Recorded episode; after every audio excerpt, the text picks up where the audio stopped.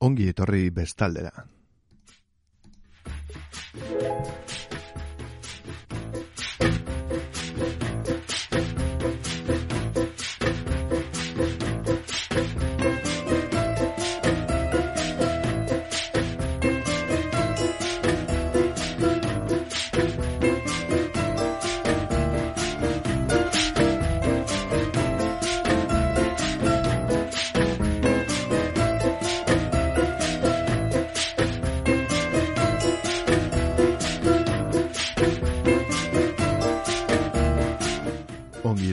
Etorri bestaldera entzuleok zer modu zaudete, hemen eh, Jon Orlando Carlos egunero bezala bestaldean daukazue, deka erratia den sintonian eundazazpi puntu lauan. Gogoratu, kasares irratia zenaren sintonia berean gaudela, donostia kultura erratian, eta egunero bezala ordu eta erdi zaritzen hemen kulturaren berri ematen.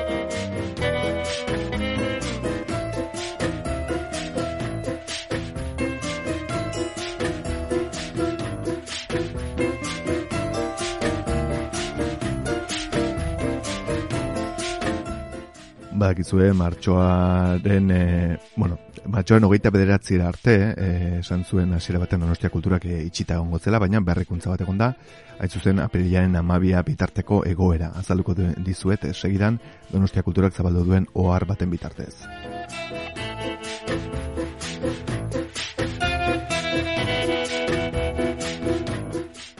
atzoko egunez ateratzen oharra, COVID-19 virusak, eh, koronavirusak eragindako krisia dela eta hauxeta gaurko egunez martxoko eta lau Donostia kulturaren gune, zerbitzu, jarduera eta ikuskizunen egoera.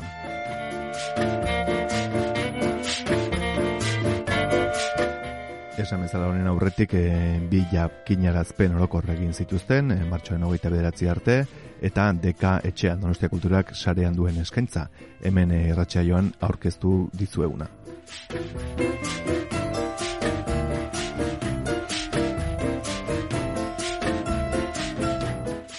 Badakizue konfinamendua apirilaren amaika arte luzatu duela Espainiako gobernuak, beraz, gurean ere aurrez aurre ez da inolako ekitaldirik egongo ondorengo espazio hauetan.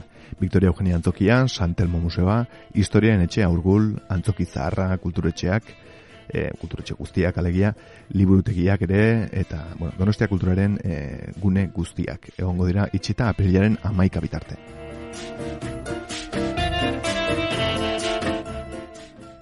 Goian aipatu bezala, deka etxean eh, abiatu dugu, sareko eta telefono bidezko eskaintza ezagutarazteko, eta, bueno, lehenengo eta behin eh, entzungo duguna da, e, ba, bueno, hiltzen ari dan eh, jende horren omenez, eta geratzen diren eh, alargunen eh, omenez, eun alargunen dantza, diargi bizkarrik kantatu zuena Uxue Alberdiren hitzez. Bermioko plazaren beltza, ohe, hutsaren beltza edertasun, haundia beltza bizi, minaren beltza, zerua beltza, bihotza beltza, soineko beltzaren beltza, dantzari alargun beltza, maitasun beltzaren beltza, itxasoko marmarisila bare, barkamen bila dantzarien,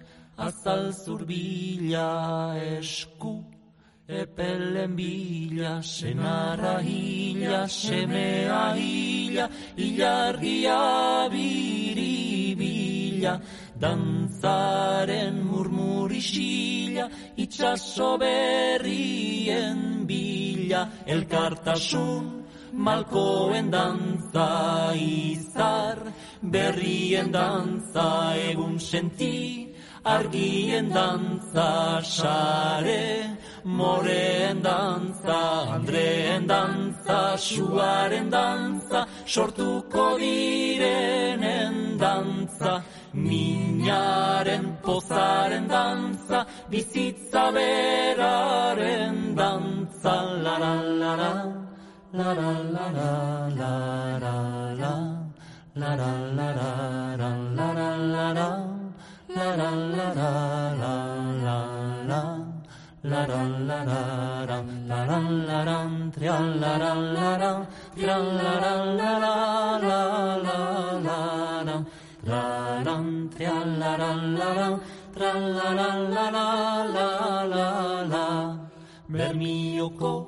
plazaren beltza ohe.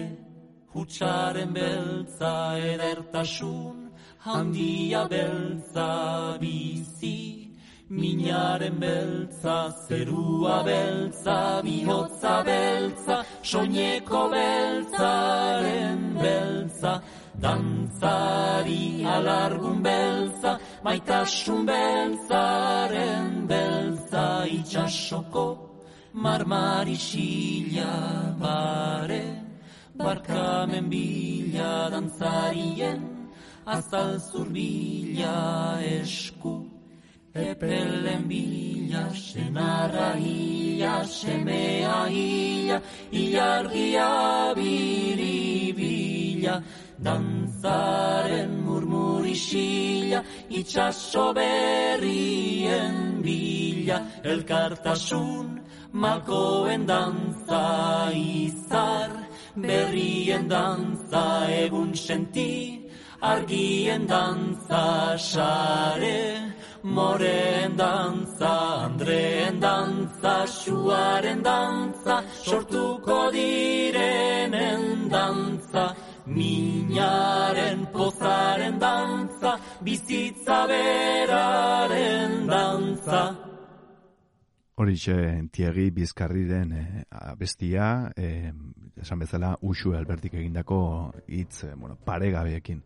Eta, ba, bueno, hiltzen ari den, e, hainbeste jende hiltzen ari den honetan, alargunen omenez eta hildakoen omenez, kantu hori jartzea otu zait, naiz eta, bueno, ba, tristura pixka bat ere sartu altzaigun.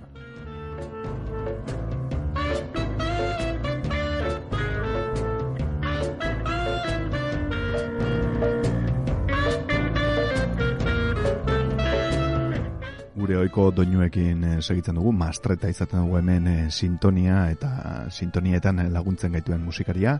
Eta, bueno, segituko dugu e, atzo plazaratu zuen e, oharra azaltzen, donostia kulturak plazaratu gaitzuen e, oharra, esan bezala, apelian amaikal arte itxita egongo dira zentro guztiak, eta, bueno, badago sareko eskaintza, eta besteak beste, e, liburuak e, liburutegietan itzultzeko epea maiatzaren laur arte luzatu da. Luzapen honek ez dio e-liburutegia zerbitzu digitalari eragiten, bide batez esan beharra dago e-liburutegia gorakada nabarmena izaten ari dela erabileran.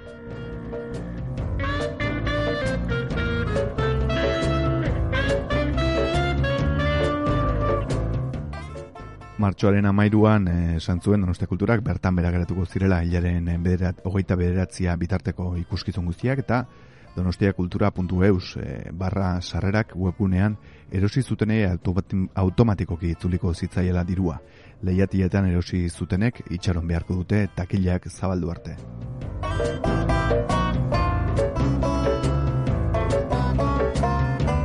Badira nobedadeak e, bestalde, Juan Carlos Fernández Nieto pianoan, e, bueno, kontzertu hau atzeratu eginda eta bere eserlekoa mantentzeko aukera emantzaile eroslei.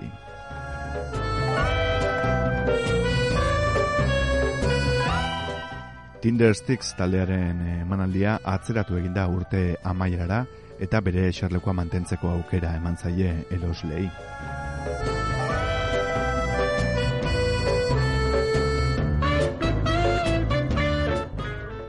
Pena hundiz bertan bera geratu zen Mojo Working eh, jaialdia, ostirala eta larun bata, gure gauza elkartea da Mojo Working eh, jaialdiaren antolatzailea, eta diru itzulketak geldituta daude eta crowdfunding kanpaina abiatu dute, ba, dituzten gaustuei aurre egiteko.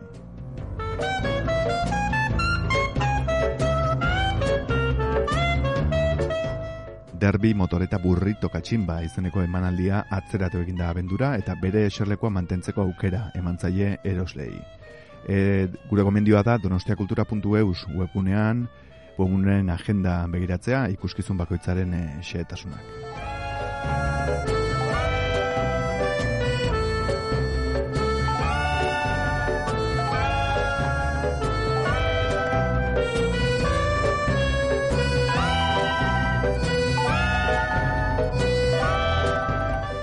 Donostia kultura saiatzen ari da bertan bera geratutako eta geratuko diren e, ikuskizun gehienak alden neurrian urtean zehar bierkokatzen.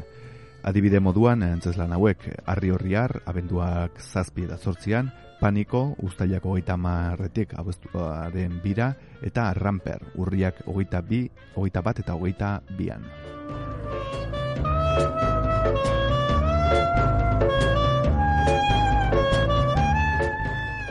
Oar berri honekin, eh, martxoaren hogeita marretik aprilaren amabira bitarteko ikuskizun eta filmen proiektzio guztiak bertan bera edo atzeratu egin dira. Hots, eh, antolakuntzak erabaki du, Fassbinderri eskainitako nosferatu zikloko epe horretako pelikulak atzeratzea. Bestetik, eh, Bookends, Simon Garfunkel, Through the Years, bertan behera geratu da.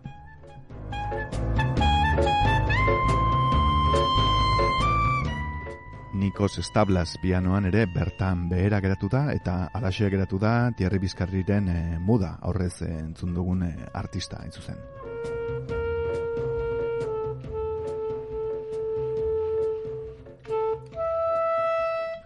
Simon Angafukel aipatu ditut e, Through the Years izeneko, bueno, zera emanaldia bertan behera geratu delako eta haien kantu benetan famatu bat entzungo dugu izena duena Bridge Over Troubled Water. Alegia, ba, bueno, urna hasien gaineko zubia.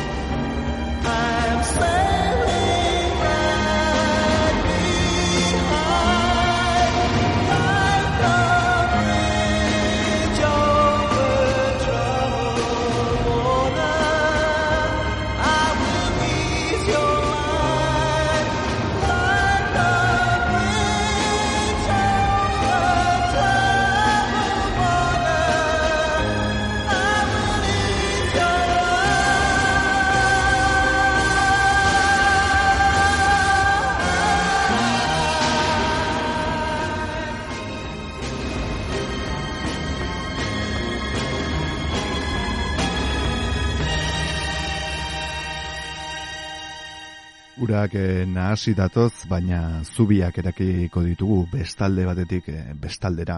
Bridge over Troubled Water izan da Simon Garfunkel artisten eh, doinu ezaguna.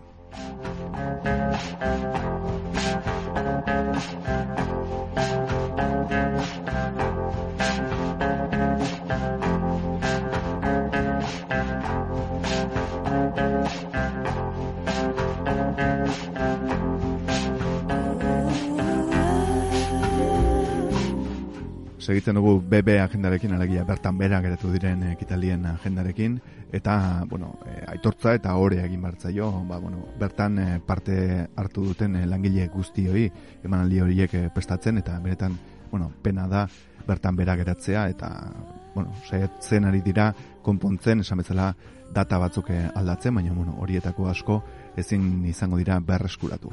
Esan bezala, e, Thierry Bizkarriren muda bertan bera geratu da, eta baita ere Angela Iparragirreren bertso librea karabanzerai produkzioaken lana.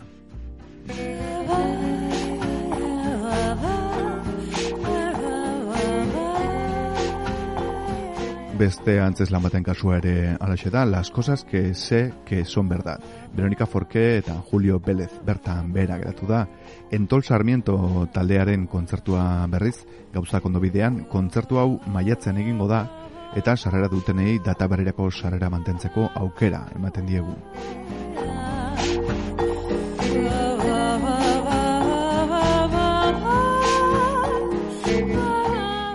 Baron Rojo, Oxido, Dark Noise eta Dravenue e, gauzak ondo bidean ere kontzertu maiatzen egingo da eta esan aurreko kasuan bezala sarrera dutenei data berrirako sarrera mantentzeko aukera ematen zaie.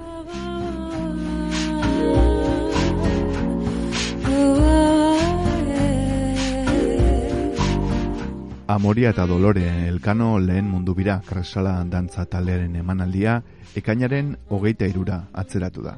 Sarrera dutenei data berrirako sarrera mantentzeko aukera emate zaie.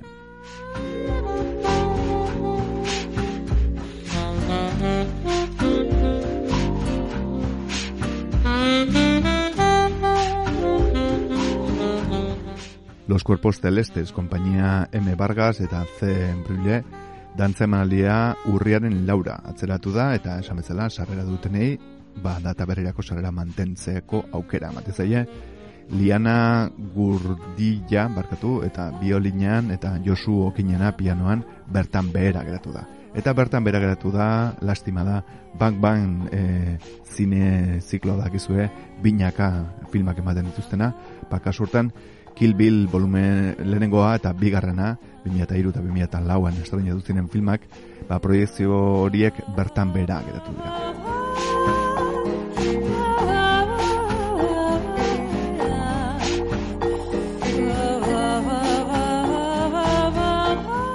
Bi formula eskaintzen ditu Donostia Kulturak. Bata da, sarrerak internet bidez erosi zituztenei automatikoki itzuliko zaie dirua, jada data duten eh, atzeratutako ikuskizunetan izan ezik, Itzulketa guztiak amabost egunetan guztiak egitea espero dute Donostia kulturatik eta bigarren lehiatilan erositako sarrerak takilan bertan itzuli barko dira Donostia kultura berriro ateak zabaltzen hasten denean.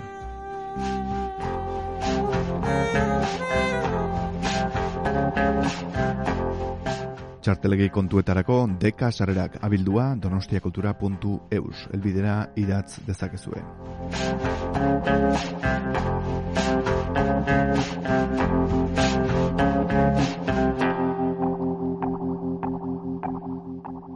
Eta horrez jarri dugu eun largunen dantza e, Thierry Bizkarrirena eta bere azken e, lana manez B izenekoa ba, bueno, bertan aurkitzen dugu gau soila izeneko kantu hau.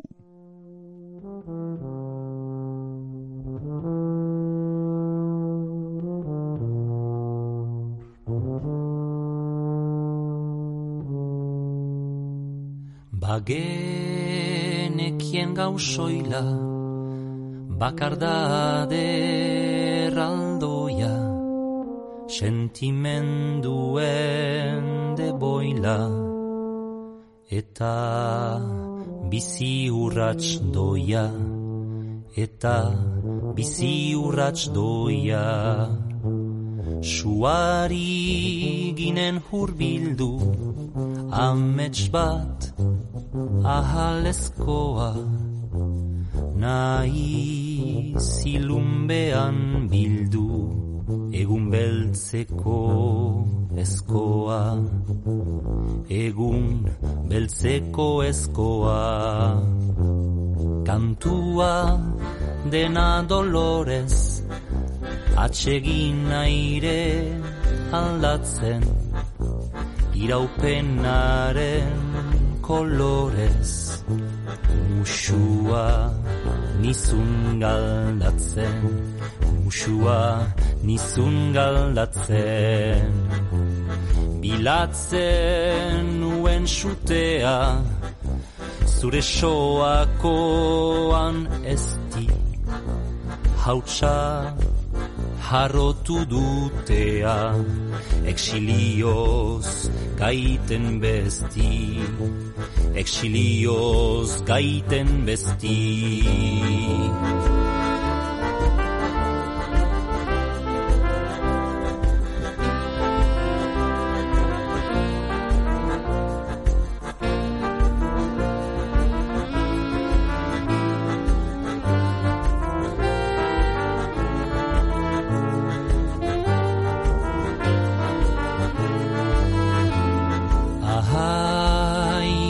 nuen mintzo Goiza izan arren urre Argia zartatu zintzo. Bide hori etzen gure Bide hori etzen gure.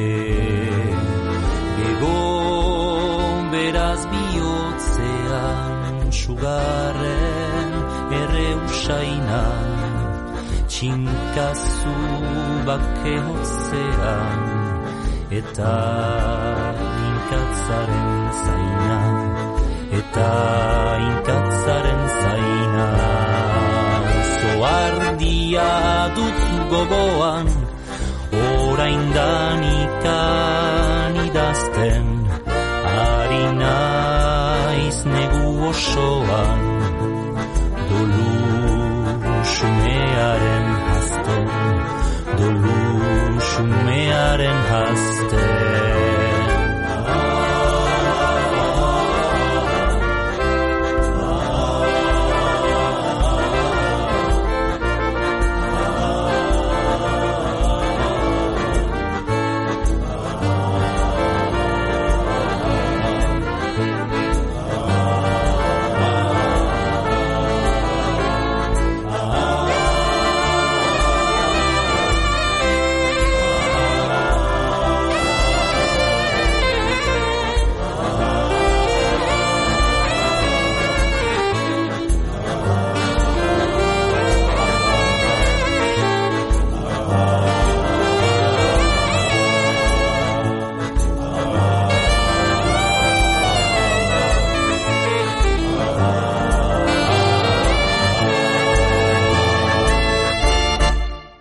Gau soila Tiegi Bizkarriren Manez B izeneko albumean topatzen dugun eh, doinua.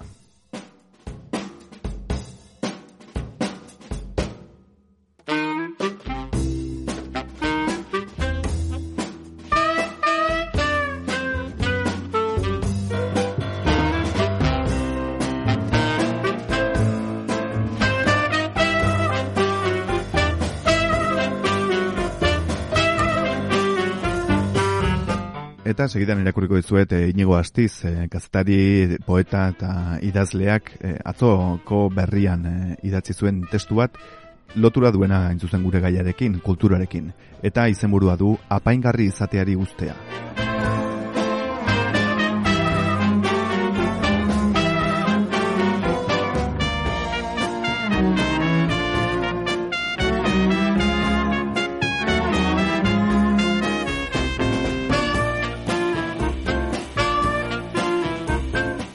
Beti amestu dut aterki bat bezain beharrezkoa den poema bat idaztearekin. Hiru euskal poetaren eta hiru poeta katalanen arteko topaketa antolatu zuten eh, 2016ko urtarrilaren urtarrilean Etxepare Euskal Institutuak eta Kataluniako Ramon Llull Institutuak Donostiako Tabakaleran Eta esaldi horrekin desenkusatu zuen gizon bat Jordi Labina poetak. Bere emanaldiaren erdian, aurkitik altxa, gainerako ikusle guztien mespertsua jasoz, aterainoko bidea egin, aretotik atera eta segundu gutxi batzuetako tartearen ondoren, berriz ere atea zaratatzuk ireki ostean, bertan aztutako aterkiaren bila itzuli zenean. Etxetik ura gabe atera dela konturatzean, irakurlea haren bila itzulerazteko bezain beharrezko alitzateken poema bat idatzi nahi nuke inoiz.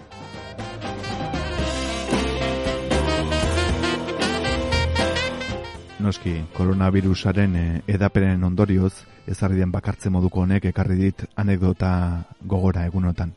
Akaso, nik neukere nahi nukeelako pentsatu, behin salbuespenezko egoera hau amaitutakoan, liburuak, pelikulak, koadroak, antzeslanak edo orokorrean, arte hitzaren aterkipean ulertu dugun hori guztia, izan daitekela itzultzeko moduko leku bat. Maskar erortzen dira maskara kalakoetan.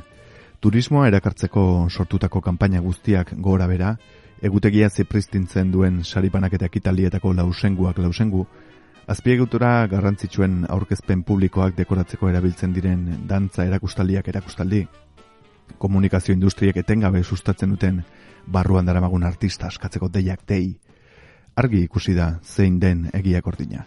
Apaingarri utxak dira kultur, kulturgileak.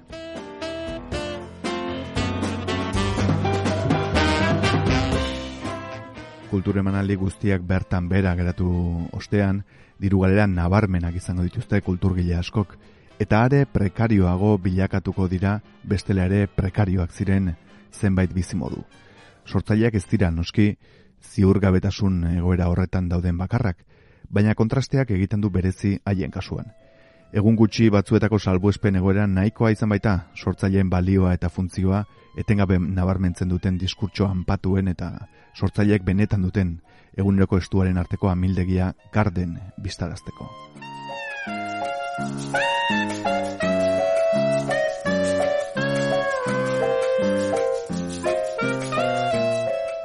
Eskari bat egiten duenaren urgentzia zabaldu dute horregatik hainbat sortzaileek beren sare sozialetan Alemaniako gobernuak emanaldirik gabe gelditu diren sortzaileak laguntzeko egindako promesa. Sormena lana baita, eta gainontzeko profesioekin gertatzen den bezala, kasu honetan ere, erabaki politiko bat da lan hori duina izan dadin laguntzea, edo ez.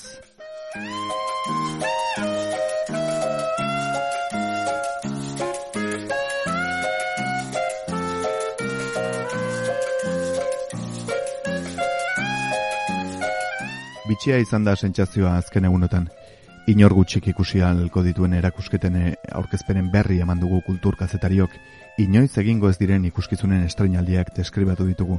Are, egon gara burdinazko segurtasun ateak beheraino itxita ituzten aretoen barruan ere artea zizketan. Hainbat egunez, hormak nola antolatu erabakitzen egon ostean, inork ikusiko ez dituen kuadroz inguratutako artistekin baina halako egoretan errazago ikusten da kultur espazioak arkitektonikoki zer diren. Funtxean, e, utxune bat baitira musika aretoak, antzokiak eta museoak. Publikoari harrera egiteko dispositiboak, topagune proposamen bat. Kanpoalde ederreko ezer ez handi bat baino ez, barruan jenderik ezpadabil. Eta berezikin abarmena izan da hori egunotan. Esaterako Bilboko Guggenheim Museoaren atrioko espazio erraldoian, horra ikur bat zer den, barruak ustutakoan. Aizeri gabeko bandera baten pare, ibai hartzean. Eta artegagarria bezain poetikoa izan da, ateak istea, erabaki aurreko momentuetako irudia barrualdean. Dozenaka segurtasun zaintzaile, ezeretza zorrotz zaintzen. Uniformez jantzitako saltzaile multzo bat, eroslerik ez duen denda batean.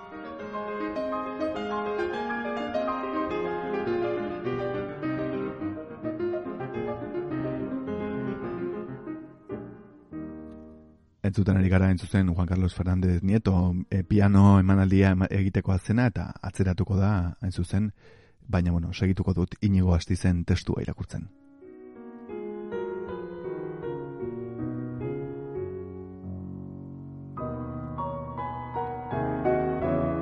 Pentsatzen dut litekena dela langile horitako asko ere aldi baterako lan etenean egotea une honetan. Azken urteetan kultur eskaintzan orokortuz joan den privatizazio eta subkontratazio politikek hartaratuta. Eta datu hori ere ez da aztekoa, maiz kristalezko ezurrak baitauzka kultur azpigiturei eusten dion eskeletoak ere.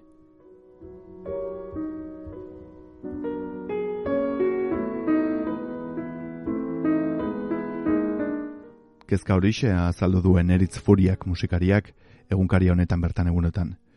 Kontzertuen atzean dauden antolatzaileak, aretoak, tabernak, bizirik aterako dira honetatik guztitik? Kulturgintza osatzen duen sare guztiari eragiten dio honek. Lapurdiko, Nafarroa, Behereko eta Zuberoako sortzaileek eskura duten e, intermitentzia sistema orokortzeko unea izan daitekela iradoki du erreportaje berean Ander Lipus antzerkigileak, zeren eta bere itzalguneak dituela onartuta ere, sistema horrek gutxienez, kontuan hartzen baititu emanaliak lotu, prestatu eta antolatu, antolatzeko egin beharreko lan ikusezinak ere.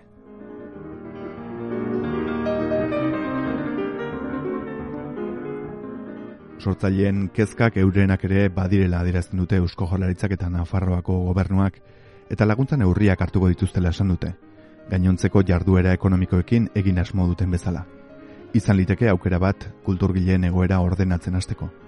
Ikusi behar ordea, salbu espenezko eten honen ostean, inor bueltatzen ote den bastar batean ahaztuta gelditzera kondenatuta dirudien aterki horren bila.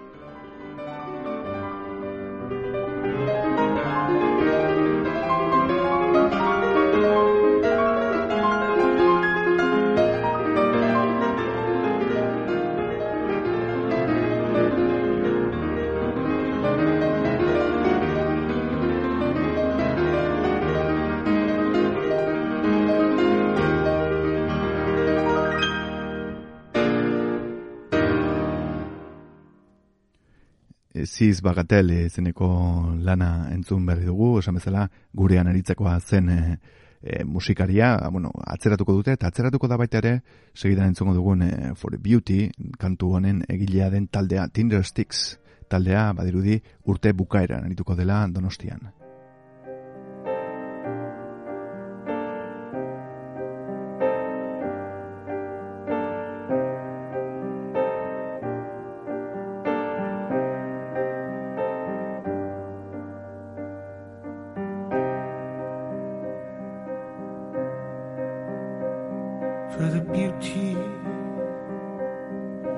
Give me something to eat. For it's the beauty that's got its claws on me. There's an aching as still as we walk down the street but it's the beauty stops me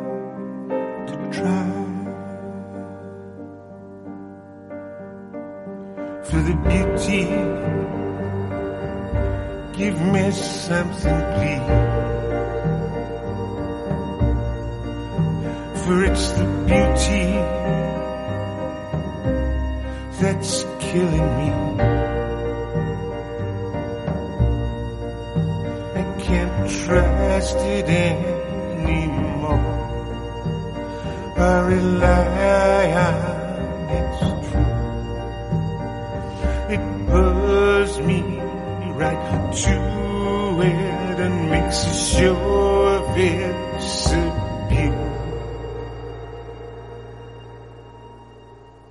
You stepped out the lane, collided, yeah, crawled up the stairway to throw yourself in.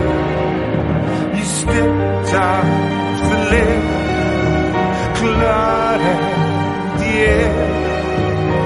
right.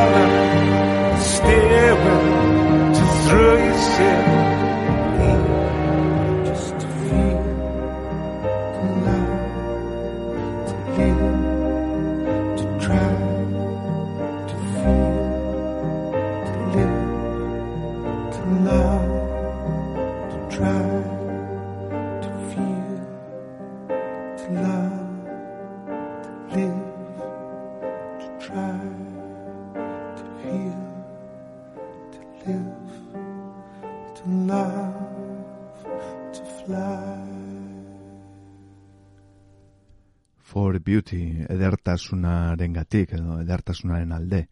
Eta ez zuzen hori edertasunaren alde lanean ari dira, ari gara kulturgileok, eta jasotzen dugula, jasotzen duguna ere, ba, maitasuna ematen segituko dugu.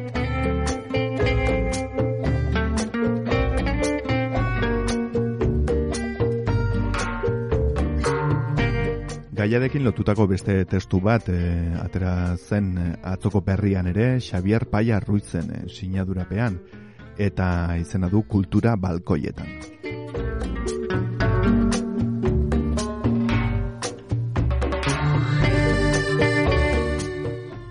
Kuban bertsolariak funtzionario ditun. Bai, funtzionarioak. Txapelketak oposizio bihurtuta, gorengo postuetan gertatutakoei lanpostua ziurtatzen zion errepublikak. Hala, lanaldia osatzeko, egunero egiten diten saioren bat edo hitzaldiren bat dela eskola batean, dela zarren egoitza batean, koronavirusa uartera heltzean, errepublikak etzien moztuko argindarrik, jakina baina bestela ere repentistak eta dezimistak ez ditun lanik gabe geratzearen beldur izango. Euskal Herrian, ego Euskal Herrian, alarma egoeraren ezarpena ezinbesteko kausa gisa interpreta diteken ekitalien kontratuetan, bertsosaioaren antolatzailearen eskumenez gaindiko erabakiak oztopatu baitin bertsolariak eta bertsozaleak elkartzea. Hortaz, konfinamenduak iraun bitartean, bertsolariek sosik poltsikoratzea bilboko areatzan eskutik heldutako kale jira egitea bezain ezinezkoa dun.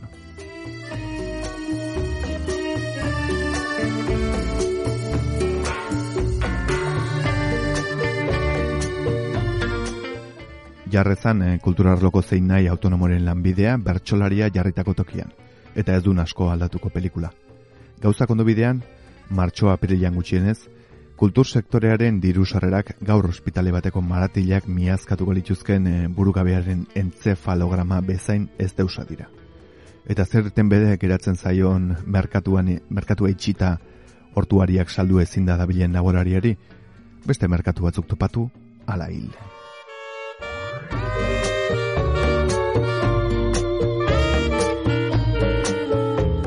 Premia horrek eragingo zinan azken egunotan musikari, aktore eta abarren artean ugaritu den zuzeneko bideo emanaldien tsunamia. Zibermerkatu horrek tamanlez oraindik e, ordainik gabeko salmenta baino ez din ahalbidetzen eta ziberikusle, ziberikustalde eta datxegit e, kopurua gutxieneko soldatatik gorakoa izanagatik kartilak numero horretan jarretuko din berdin-berdin.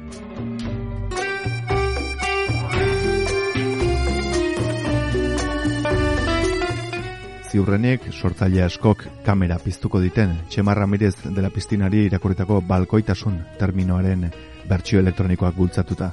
Hau da, Unelatz hauetan herriaren asperdantza eta esperantza pizteko borondate milak eramango ditin doan eskaintzera alarma egorari gabeko baldintzetara, baldintzetan sarrera truk salduko luketen jabetza intelektuala. Inola ere ez ditun balkoikeriak gidatuko, ez. Hau da, sekula ez lituzken erabiliko droga dosiak doan saltzen, gozamenaren estasiak zale berriak sarean erora haziko ditulakoan. Tira, eta balkoikeria balitzare, zer aurpegiratuko zionagu bizimodua arriskuan ikusita bizirik irauteko aleginetan dabilenari.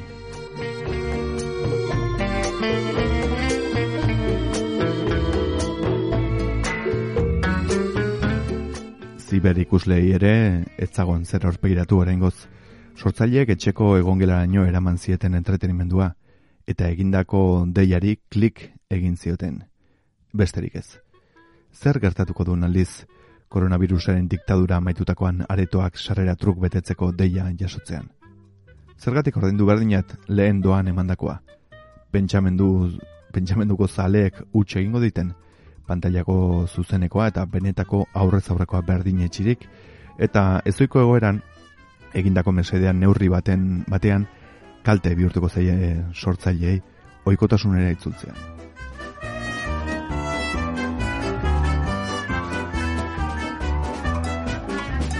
Hortaz, koronavirusarenak egindakoan, ziberikusle estimatua, nahi ez badun kontzientziak ez- aurpegiratzea kulturgilez aprobetxatu aizela, emaion eure buruari berba itxialdian ikusitako zuzeneko mankizun bakoitzeko, gutxienez bi aldiz joango aizela sortzaile horren ordainpeko ekitaldietara. Eta pertsiana altxatu gabe etxean eh, geratutako artisten kasuan, beste horren beste egin ezan, mesedez, isilpeko oinazea latzagoa izaten baitun askotan. Azken batean, zuzenekoen beharrik gabe, hortxe izaten ditun beti, apalean edo ornagailuan, eta ez baitun izan, agian Netflix tipoko kulturzalea izela, ohartuko haiz konfinamenduari esker. Gaitzak iraun bitartean, eutxi ezaion ahal bezala gustuko balkoian, edo lubakian,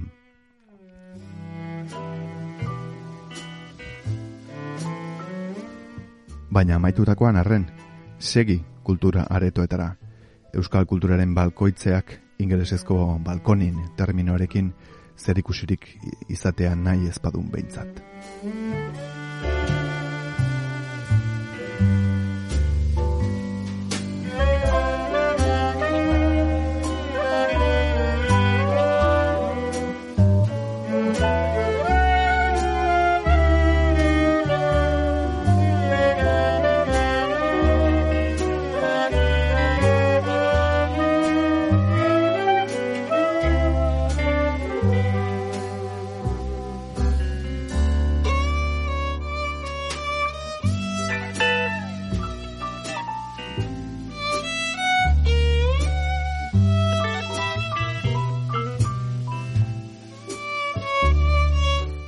Hori eixak izan dira Xabi Paiaren hitzak aurrez inigo astizenak irakurri dituan bezalaxe, eta benetan beharrezkoa iruditzen zait bestalde honetan horrelako gaiak e, sarriago ekartzea, hain zuzen ere hori baita gure hasierako borondateetako bat.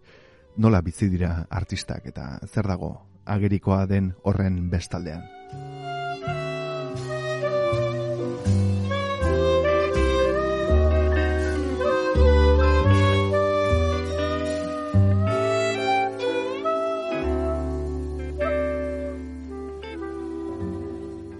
Eta doka Donostiako kafean zokian ere bertan behera edo bueno, atzeratu egin den kontzertu bat, martxoren hogeita zazpian egitekoa zen eh, leiotikan eta rekba taldeena da, eta hain zuzen ere entzungo dugu segidan, espero dudan pertsona bakarra, leiotikan eh, taldearen Harold albumetik.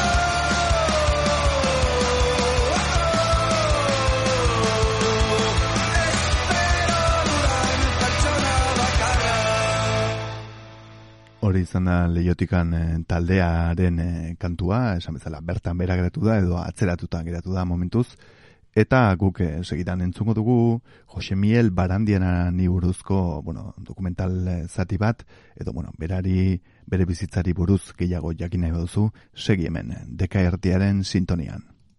Eunda bat urte bete zituen Don Jose Miguel Barandiaranek. Bizitza luze eta oparoa. Guztiaren gainetik langile fina, eskuzabala eta gizabidez betea izan zen. Mila sortzireun eta larogeita bederatzigarren urteko urte zarregunean jaio zen Ataungo San Gregorio auzoko Perune Zarre baserrian. Euskal kulturaren aita bezala kontsideratzen den Don Jose Miguel Barandiaran. Apaiz, antropologo, etnologo eta arkeologo euskalduna. Euskal kulturaren ikertzaile garrantzitsuenetarikoa dela esatea ez da gehiagizkoa. Aurrerakoia, herrikoia, humanoa eta balorez jantzitako pertsona. Prehistorian espezializatua eta herriko mito, kontakizun eta bestelakoen maitaleneka ezina. Aurten betetzen dira hogei urte zendu zela. Hogei urte hauetan ez dugu Don Jose Miguelek utzitako ondare eta legatua antzi. Horretarako jaio ziren batetik mila bederatzireun dalarogeita sortzian Barandiaran fundazioa, eta bestetik iaz ataunen zabaldu zuten Barandiaran museoa. Ark hasitakoak etenik izan ez desan. Ark hasitakoa etorkizuneko belaunaldiek ere ezagutu dezaten.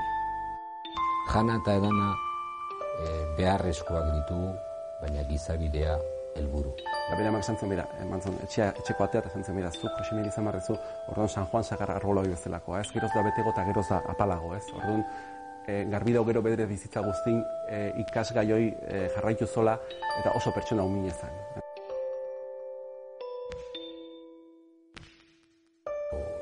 Euskal Herriak, nik uste dut, don Jose Miguel moduko gizon, e, gizonak ezin ditzakeela astu.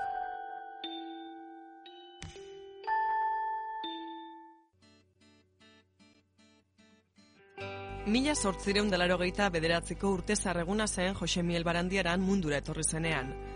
Francisco Antonio Barandiaran eta Maria Antonia Aierberen bederatzigarren semea, kristau eta sinismen mitologikoek eragin handia zuten baserri giroan hasi zen Jose Miel Barandiaran. Herriko eskolan jardun zuen amala urteak bete zituen arteetan ikasi zituen lehen letrak. Gazteleraz egiten zen ordea eskolan eta Jose Miel Barandiaran gazteari ez zitzaion arrazoi horregatik gehiegi gustatzen. Amala urte bete zituenean erabaki zuen apaiz joatea. Haren gurasoek sufritu beharko zituzten diru arazoen jakitun, baliarrengo oharkaritzara sartu zen. Ikasle ona inondik ere eta bi ikasturte batean aprobatuta bueltatu zen etxera. Bere bizitzako une pozgarrienetariko bat bezala gogoratzen zuen hau Jose Miguel Barandiaranek. Baliarraindik etxerako bidea etxafuegoak bota egin zuen, Haren amak une hartan etxe kanpora atera eta sagarrez lepo beteta adarrak lurrean zituen sagarrondoa seinalatu zion esanaz. Sagarrondo horiek lezio itzela ematen digute, gero eta beteago, gero eta al eta humila izan baitzen bizitza guztian.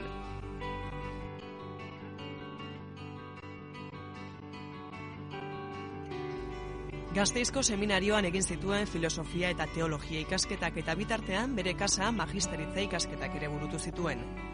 Fisika eta geologia ikasketek erakarri zuten gehien bat eta bere kasa ikertzen hastea erabaki zuen. Mila bederatzireun da garren urtea zen barandiaranek aralarren bederatzi hilobi aurkitu zituenean. Aurkikuntzaren berri emanez, gutun bat bidali zuen Donostiako Euskal Herriaren alde aldizkarira. Garai hartako Donostiako etnografia museoko zuzendariak gutun bidez jakinarazi zion barandiarani, hilobi haiek historia aurreko trikuarri edo dolmenak zirela. Eta bergaran jaiotako telesforo de arantzadi irakaslea, aralarren antzerako monumentuak industen ari zela eta arekin harremanetan ipintzeko esan zion. Arantzadik Obiedoko Unibertsitateko katedratiko Enrique de Gurenekin harremanetan ipintzeko esan zion, eta mila bederatzireun eta mazazpiko udaldirako ikerketaldi bat antolatu zuten. Horrela sortu zen, Arantzadi barandiaran eguren prehistoria ikerketa taldea, Urrengo hogei urteetan eta mila bederatzireun da hogeita maseiko gerrak betiko banandu arte, horren beste eta horren beste azterketa egin zituena. Ordurarteko lanak zaletu apalen emaitza baziren, hiruko teori sortu zenetik ikerketok maila zientifiko batera eroan zituzten. Haiek aztertu zituzten esaterako aralarmendiko trikuarriak, aizkorrikoak, ataun burundetakoak, altzaniakoak, entzia mendilerrokoak eta soraluzeko elosukoak. Baita santimamineko kobak, lumentza, ermitiako eta gipuzkoako beste koba batzuk, eta bolinkoba eta urtia gaitziar. Aurkitutako tresnak beste batzuekin konparatzeko barandiaranek bideia asko egin zituen Frantzia, Suitza, Alemania eta Austriako museoetara. Horra hor, Jose Miguel Barandiaranek bizi guztian landuko zuen atzerriarekiko loturaren sorrera.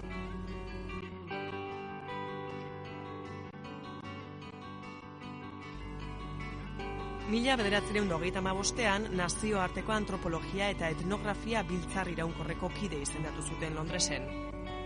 Urrengo urtean, mila bederatzireun hogeita maseian erbesteratu behar izan zuen Espainiako Gerra Zibila zela kausa, eta ia hogei urtez bizi izan zen Lapurdiko Sara herrian.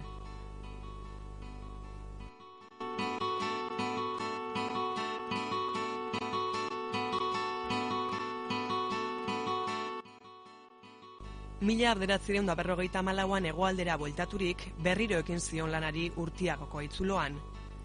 Handik bi urtera, mila bederatzireun da berrogeita maseian, induzketak hasi zituen arrasateko lesetxikin, eta mila bederatzireun derurogeian, aitz bitarte laugarrenean, errenterian. Mila bederatzireun derurogeita bostean, Nafarroako Unibertsitatean, Euskal Etnologiako katedradun izendatu zuten, eta mila bederatziren derurogeita mabian, Bilboko Gran Enziklopedia Baska argitaletxea barandiaranen lan guztiak argitaratzen hasi zen. Mila bederatziren derurogeita masiko irailean Eusko ikaskuntzako presidente izendatu zuten, eta larogeita bederatzean bere azken liburua Euskal Herriko mitoak argitaratu zuen. Madrilgo Unibertsitate Konplutensean, Euskal Herriko Unibertsitatean eta Deustuko Unibertsitatean honoris causa doktore izendatu zuten, Mila bederatzireun eta laro geita amaikako abenduaren hogeita batean hil zen, Sara etxea basarrian, bere jaioterrian.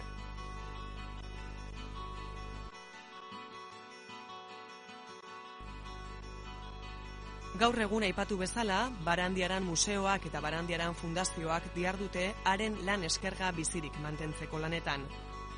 Fundazioa Barandiaranek berak sortu zuen mila bederatzireun delero geita sortzian Eusko ikaskuntzarekin batera, eta iaz, mila bederatzireun eta amarrean, ataunen Barandiaran museoa ireki zuten.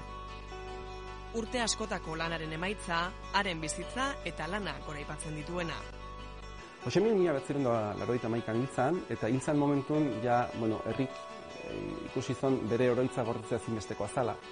Bai bere oroitza, oroitza persona bezala, ditu, naiz da lehen ez aipatu, eh, Jose Mil ezan bakarri zientifiko handi bat, batipat pertsona bezala ere dimisio oso zabalazon, gero komentatu gizu eta beste horren, horren inguruko adibide pare bat. Baina, e, momentu hartan ja ikusten da beharrezkoa dela Jose Milen figura nola bai gordetzea. Izan zen akatio eta intzon akatio.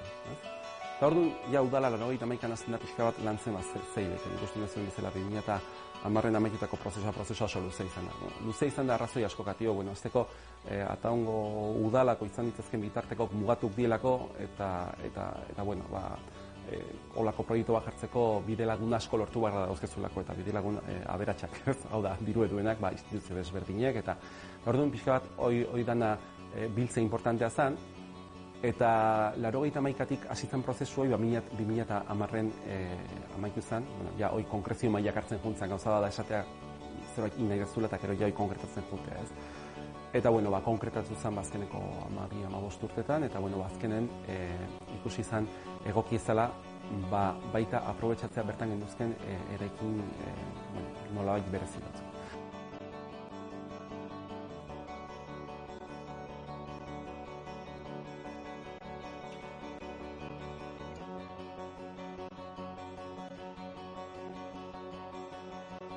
Hau da, amasei, amazazpi garren mendeko errota bat, e, San Gregorio oso, oso gertu dauna da, eta, bueno, e, eraikuntzak beak balio handia daukez, eta bai, strukturaletik eta e, eraikuntza interesgarria da, eta oso no, txertatzen da baita, pixka bat, e, Jose Mielen izaerak, horrelako etxe baten esan nahi gehiago dauka. Zatik, Jose Miel azteko zen, oso pertsona e, humile zen, ez? Orduan, bueno, ba, hartzen dezu aintzinako edifizio nola bai humil bat, eta hor Jose Miguelen figura txertatzea eh, erresa eta baita aprobetsatzen duzu balion jartzeko ba, berez balioa don e, e, eraikin. Ez? Orduan, prozesua gutxi gara bera, bagoin dela amabi, amabost urte ja, e, konkretatzen juntzan pixka bat nola, nola garatu bartzen, eta guk azken filen, ba, indeuna da, genduzken pieza guzti horiek lotzen jun, eta, eta azken, ba, bueno, ba, e, ez zaiena, baina bai komplikatu da, da, ba, pixkat hori finanziatzeko ba, bitartekok eta bilatzen jutea, eta bueno, bazkenen e, lortu gendun e, ba, iaz irikitzea. Lehen, lehen fase, gu lehen fase bezala ikusten dugu, hemen Jose Mielen bizitza eta lana e, eraikin hontan adirazten die, gero beste errota txiki bat daukeu, eta han e, errotak beak e, baita balio handi daukez, zatio e, mezortzigarren mendeko e, e, errotarriketa dauzke, e, meretzigarren mendeko zerra bat, eta bea edifizioa masigarren mendekoa da, orduan beak ebalioa dauke, eta jarri ditugu adibidez mitologia, teknologiarekin relazionatutako mitoak, ez? Pixka bat esplikatzeko leku bezala jarri dugu lotuz dana, ez? Lehen aipatzen dizun, ba, euskal mitologiaren gune hori faltako litzeke, eta momentu enten berritu dugu hemen elizaren ondon daun eraikin bat, bikariotxea, eta, bueno, ba, hor, e, gustatuko litzaik ba, pixka bat bai, e, umentzako eta tailerrak eta, eta lantzeko leku bat e, egokitzea.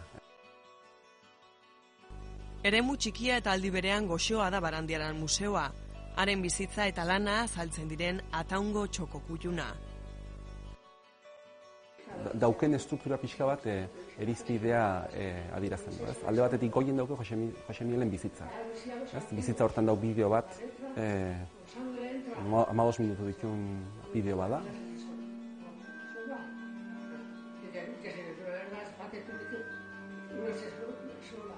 Beko solairun bere lana, bere lan eskerga pixka bat, e, bueno, adiraztea minimokia adirazten nahi izan dugu.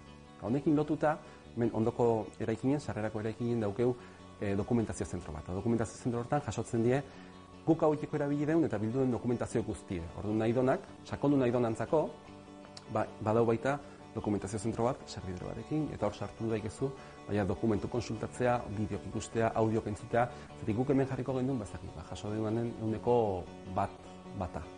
Orduan, e, beste guztioi baita e, ikusgai dago, ez? Orduan, pixka bat, e, erizpide hori izan ez? Bere bizitza eta bere lana. Eta gero bere lana hartuz, ba, landu beste, ba, e, gai batzuk, ez? Ba, mitologie, edo, edo bueno, antropologie edo arkeologie, e, megalitismoko atal txiki bate badauke. Orduan pixka bat, beak intzilin gauza guzti horiek jasoz, e, euskal izatearen irudi bat eman nahi izan dugu baita. Museoak gainera beste irteera anitz proposatzen dizkio bisitariari.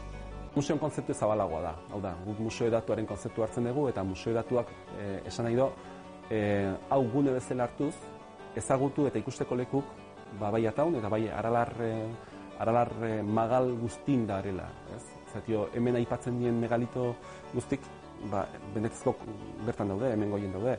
Eta baserri batea jotentzea eta oraindik ikusten dituzu ba adibidez ba elorrikin elorri zurikin indako gurutzeek eta orduan hau da lotu diken da ez ba pixkat gure herrekin eman dezakena guk hemen ekin duguna da pixkat zematen don e, adiraztea eta gero hoi ikusi dezakezu e, herrin eta aralarri ingurun e, e, bueno, ibiliz eta paseatuz ez? Orduan da museoa da ez da bakarrik kokagune hau. Kokagune honek pixka bat kontestualizatuko du baina pixkat asko zabalagoa da.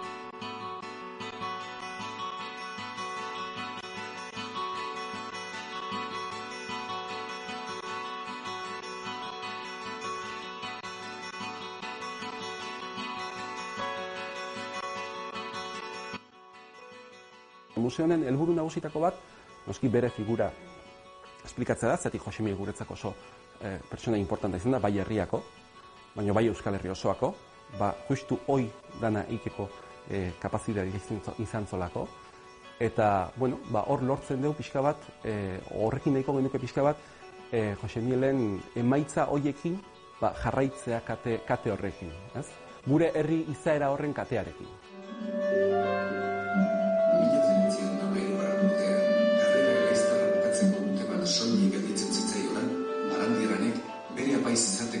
Deiera berriz planteatu zuen. Museo honen helburutako bada katea ez dala eten.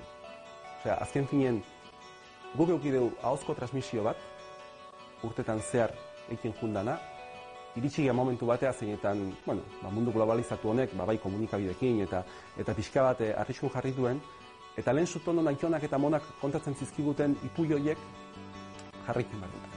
ez? Da, Hoiek ezagutu imarri. Eta gure kultura ze izan behar dan jakin du. Etorkizuneko belaunaldik eta ikusi behar du benetan zerbait berezi gala, zerbait diferentea gala, ez hobea eta ez okarrago, bai zerbait diferentea gala herri bezala. Eta horrek importantzia dauke, eta hoi adirazin behar da. Hain justu Don Jose Miguel jaio zen garaian, herriko giroan historio mitiko eta magikoak bizirik zirauten.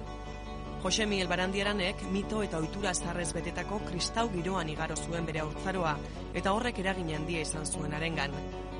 Ataunen oraindik orain ere, historio hauek guztiak gordetzeko lanean dihardute.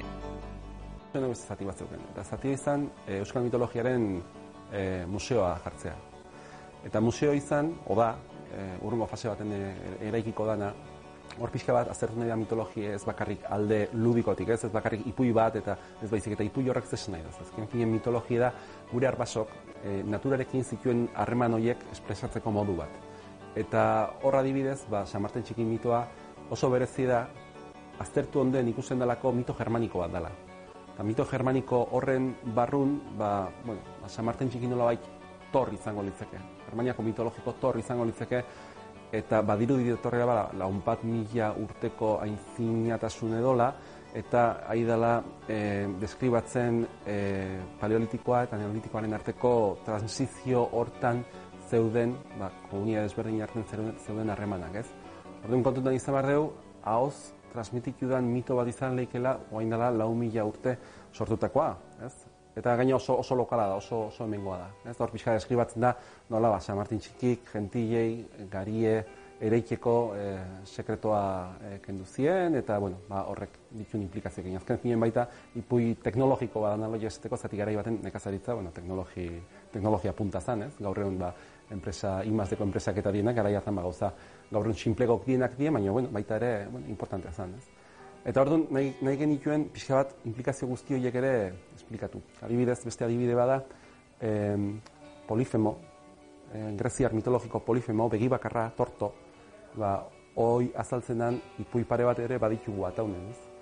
Orduan, hor badaude baita relazioak, ez? Ba, e, beste herri batzutako e, mitologiak nola txertatzen dien ba, Euskal Herriko mitologian, eta ze harreman zeren baita garai hartan ere ba, herrien arten, eta osea, hor, mm, bueno, konklusiok demostratzea oso zaie da, konklusiok ateatzea zaie da, baina ikusten da badaudela lotura batzuk. Ez museoan ikusten da oso grabazio interesgarri bat da, e, ez dakit ikusi ez zuen hemen zeon e, proiekzioi, proiekzioi da mila behatzireun da hogeita sortzin grabatutakoa, ja, grabatzek mila behatzireun da hogeita sortzik, Jose Mielek grabatzek ja esan nahi diguze pertsona mota zan, ba, zeukela etorkizun behidako eta teknologi berrin erabilerarako e, bueno, gaitasun bat, eta ikusi zola, hortik zihoztela gauzak, Zati gaur egun bideokamera bat etxen izatea nahiko gauza normala da, baina mila behatzen da zortzin, eozinek etzuken bideokamera bat. Orduan, e, alde batetiko eta gero bestetik grabatzen ditunak, ez? Zuk hor ikusten dituzun gauzak, esaten dizute eta ondala, guain dela urte, eta sinistea zai ikintzazu. Zatik ikusten dituzu oso gauza bitxik, ez? Bai, e, tradizioaletik, batzuk egin di guain diore, badibidez gatzakin, karatxok eta azaleko gaixotasunek kentzea, eta hoi guain leku batzutan okiura daikia, Baina hor azaltzen din beste gauza asko baz, adibidez adurrekin, adur, e, ba, e, kandelekin ekia pertsonan e, irudi eta horri zu ematea, edo e, hor ume bati aizaionen, e, horko azaltzen den baserritarra aizaio zaintiratu basenatzen, galtzerti bat gainen jarrita eta ue josiz, psikomagiako akto bada, Hoi azken finen, gaur egun ikusten duzu National Geographiceko dokumental baten Afrika herri gertatzen dela, eta bueno, ba, sinisten duzu, baina guain dela laro gehi urte hoi hemen eiken gendun. Orduan, justu oso momentu kritiko baten gare, ez? Justu aldaketa guztioi badator, hori garren mendek izan ditun bilakaera guztioiek badatoz, gure kulturalen aldaketaren abiadura areagotzea bat badator, zati konturatzen bali mazate bai teknologikoki, baina baita kultura eta balore aldetik ere azkeneko urtetan aldaketa asko eta asko eta asko eta oso azkar eman eta gero azkarrago dihozte, eta justu bilatzen du mundu hoi,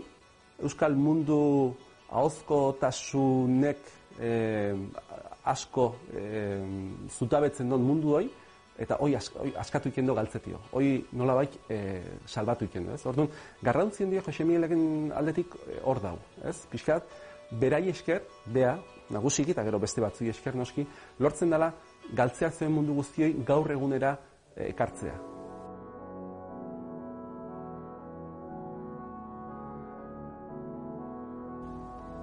Horiek ikusteko bada, Don Jose Miguelen jaioterrira hurbiltzea besterik ez duzue. Han eta ura jaio zen San Gregorio auzoan, amaseigarren mendeko errota zarberrituan, euskal kulturaren aite izan zen barandiaranen gandik gertuago sentituko duzue zuen burua.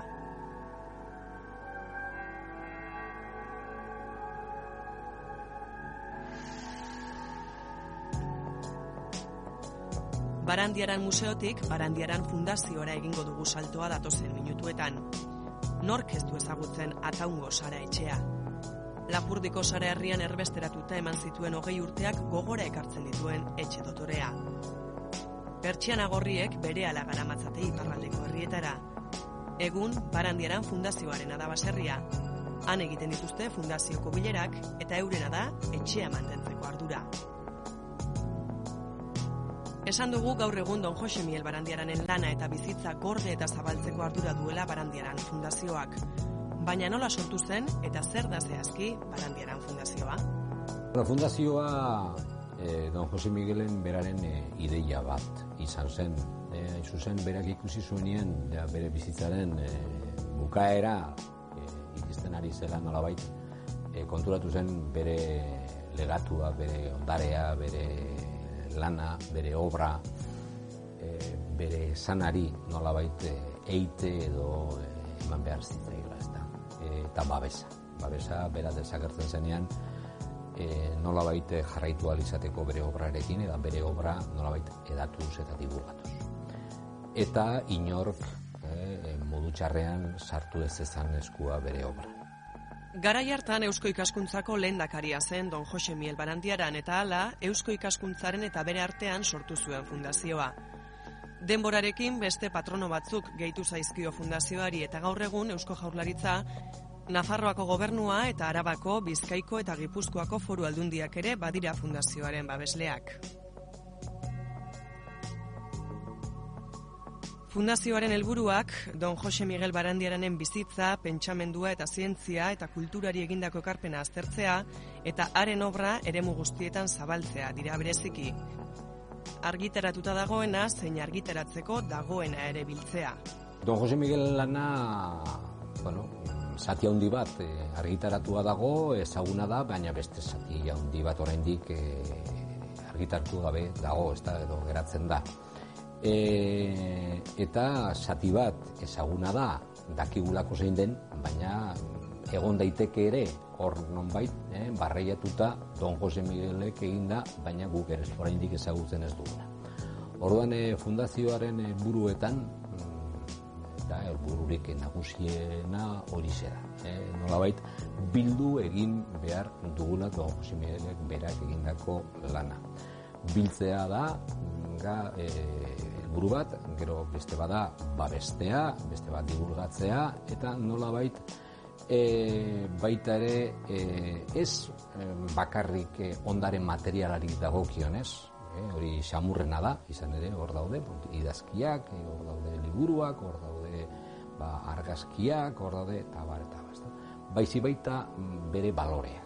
E, izan ere don Jose Miguelek jorratu zituen baloreak, ez da.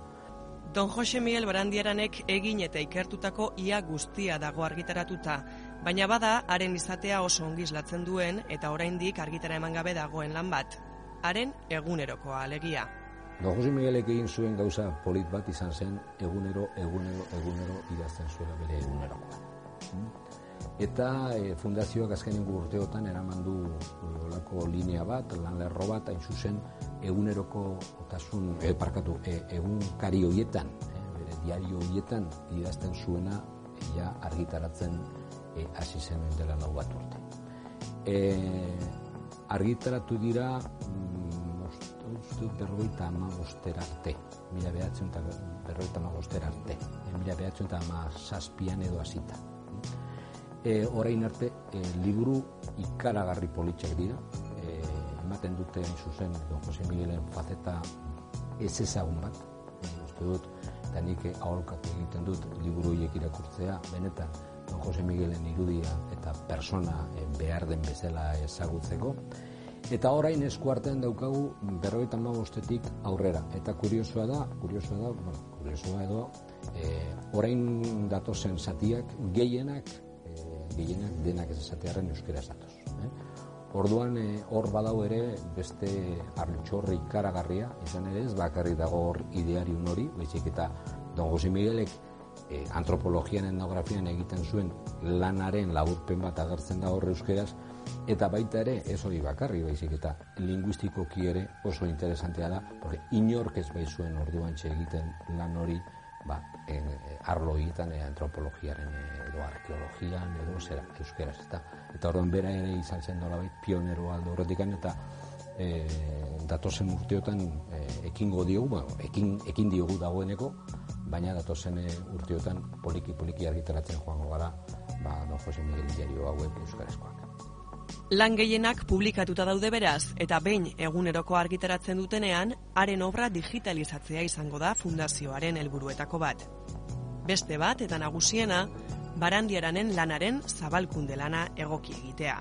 Fundazioak e, orain arte irradiatu duen e, ezagutza, ezagupidetza, e, izena ospea oso txikia izan da. E. Oda da, Jose Miguelen inguruan dabilen jendea jakin badaki hau existitzen denik. Baina nik ez dut uste oraindik beste urrats hori eman denik. E, baina fundazioaren aldetik, e, nik dut ez dugula behar den bezala divulgatu helburu gisa hartu dugun edo e, gisa fundazioak duen zera ez da, esparru horretan. Ez dut uste, ez dut uste e, eman dugunik behar den bezalako urrats hori ez da. 2008a, 2008 e, egin dugun plan estrategikoa nahi zuzen horixe. E, eldu, nahi dugu horri ekin nahi diogu behar den bezala divulgatzea. Hain zuzen aurten hogei urte betetzen dira, don Jose Miguel Hilzela, ez da, nik uste dut, bueno, e, aprobetsatu behar dugula, naiz eta, bueno, pues, zifra borrobila da, eta, bueno, pues, aitzakia hartuta, nik uste dut, aprobetsatu behar dugula, ba, beste urrats horrekin e, azteko. Bestetik, garrantzitsuak dira fundazioak Don Jose Miguel Barandiaranek zabaldutako bidea oinarri bultzatu eta bultzatzen dituen proiektuak. Burdinaroa, historia aurreko asentamentuak eta euren kultura eta ohiturak, mitologia, erromatarrak, euskal etnografiarekin, arkeologiarekin, mitologiarekin eta antropologiarekin lotura duten ikerketak egin eta argiteratzeko bekak ematen dituzte urtero. Guk e, ditugun helburuetan ez dugu inundik ere nahi e, Don Jose Miguelen e, zutabea, Don Jose Miguelek berak adirazten zutabetik kanpo lanik egin. Ez dugu hori egin nahi, porque hortarako badaude beste erakunde batzuk. Guk nahi duguna da, leitmotiv Don Jose Miguel bera hartuta bere inguruan irradiatu daitekeen lana. Baina lehen aipatu duan bezala ondare materiala eta inmateriala, baina Don Jose Miguelen materiala eta inmateriala. Hau da, Don Jose Miguel da ardatz nagusi. Eh?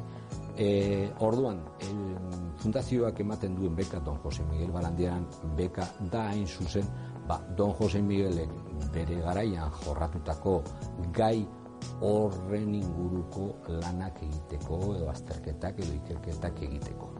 Don Jose Miguel Barandiaranek Euskal Herriko historian txoko kutxunenetariko bat gordeko duela zalantzarik ez. Euskal Herriko historian gizatalde desberdinen asentamentuak, ohiturak, jokabidea, joanetorriak eta barraztertzen aitzindari izan da Don Jose Miguel Barandiaran. Arkasitakoa jarraituko duenik bada gaur egun, baina zaila izango da Don Jose Miguelek iritsi zuen pertsona eta ikerlari mailara iristea. Gizon osoa baitzen, gizon txiki baina handia, gizatasunez eta jakintzaz betea. Etzan, ba, oso pertsona ospetsu azkarra aislatuta bizitzana, baizik eta bere interrelazioa herrikin oso sakona zen, zan herriko bat gehiago. Azken eh, menden ba, Euskal Herri izan dugun ba, zientifiko garrantzitsuenetako izan dara, ez?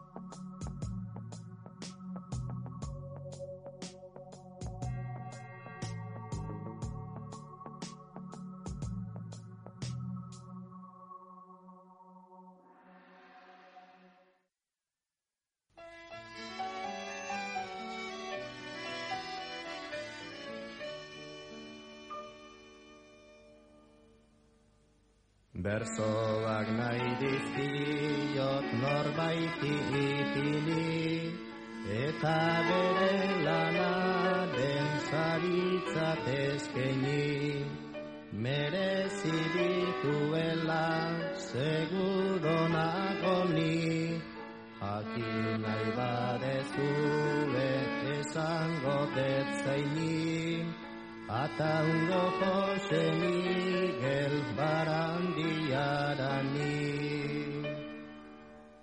Gai bezala bera detnik erabakia, goierritar naizen ez badeta itzakia. Bera aipatzea da, ustez egokia, ia aurkitzen dedan behar den tokian, kontratzeko ataungo hangoiko txikia. Nork ez du entzun izan beraren izena, jakin guri munduan goren dabilena. Aztertu du sakonki euskal azkarrena, Euskal Herria eta bere izate dena, munduaren aurrean azaldu duena. Zure lanatu datan ez du jarri inor, zer balioa duen edonor.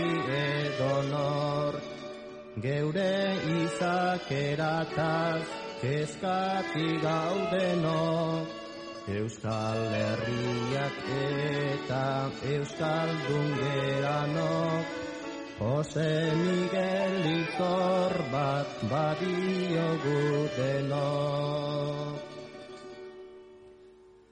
Aztertu dezu sakon Euskal arrobian, eta argitaratu hainbat teoria. Herri honek naiz izan galtzeko zoria, zure bidez gugana garbi dator ia, milioikada urteak duten historia. Lehen bizi apaiz gintzan eta gero maixu, lanari eskenita zabiltza betizu. Bizi bakarra eta hainbeste zerbitzu, zure ganatu dira amaika jakintzu. Zer balio daukazun, zeukerez dakizu. Herria ohartu da azkenik zurekin, omenaldiak egin dizkizu behinekin. Herriko semekutxun, hautatuta egin, Ataunek ere hartu dezake atsegin, Zude bigarren ama izatearekin. Euskaldun garbiatan sortzez ataundarra, Gizon txikia bainan talentuz azkarra, Zure lana ordaintzen degu zaitzamarra, Agurta zorionak arbaso zarra, Sekula itzaliko etzeran izarra.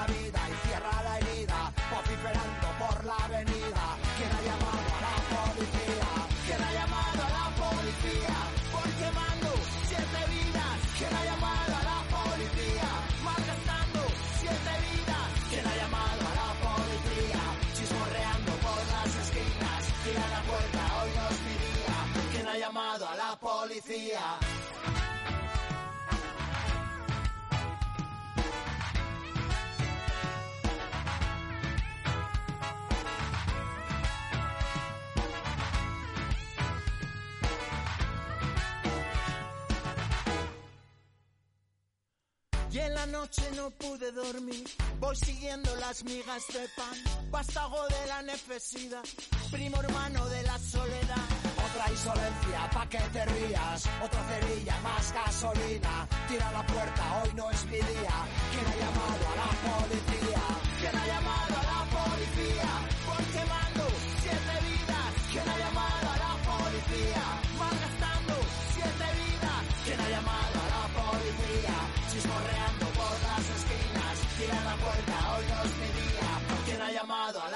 الخالفين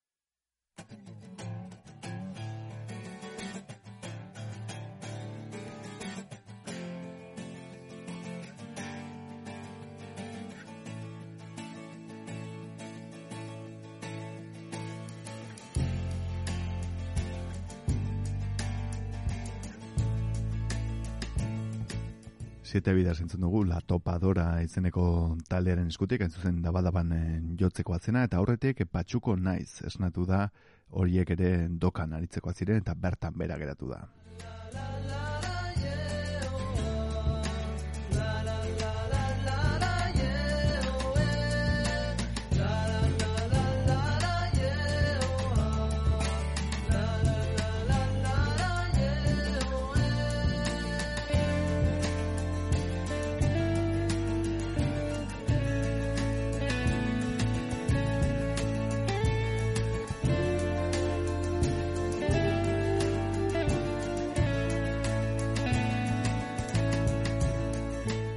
Esker entzule bestalean egotegatik, eutxi goiari e, ondo ibili baina batez ere ibili, naiz eta etxe barruan izan.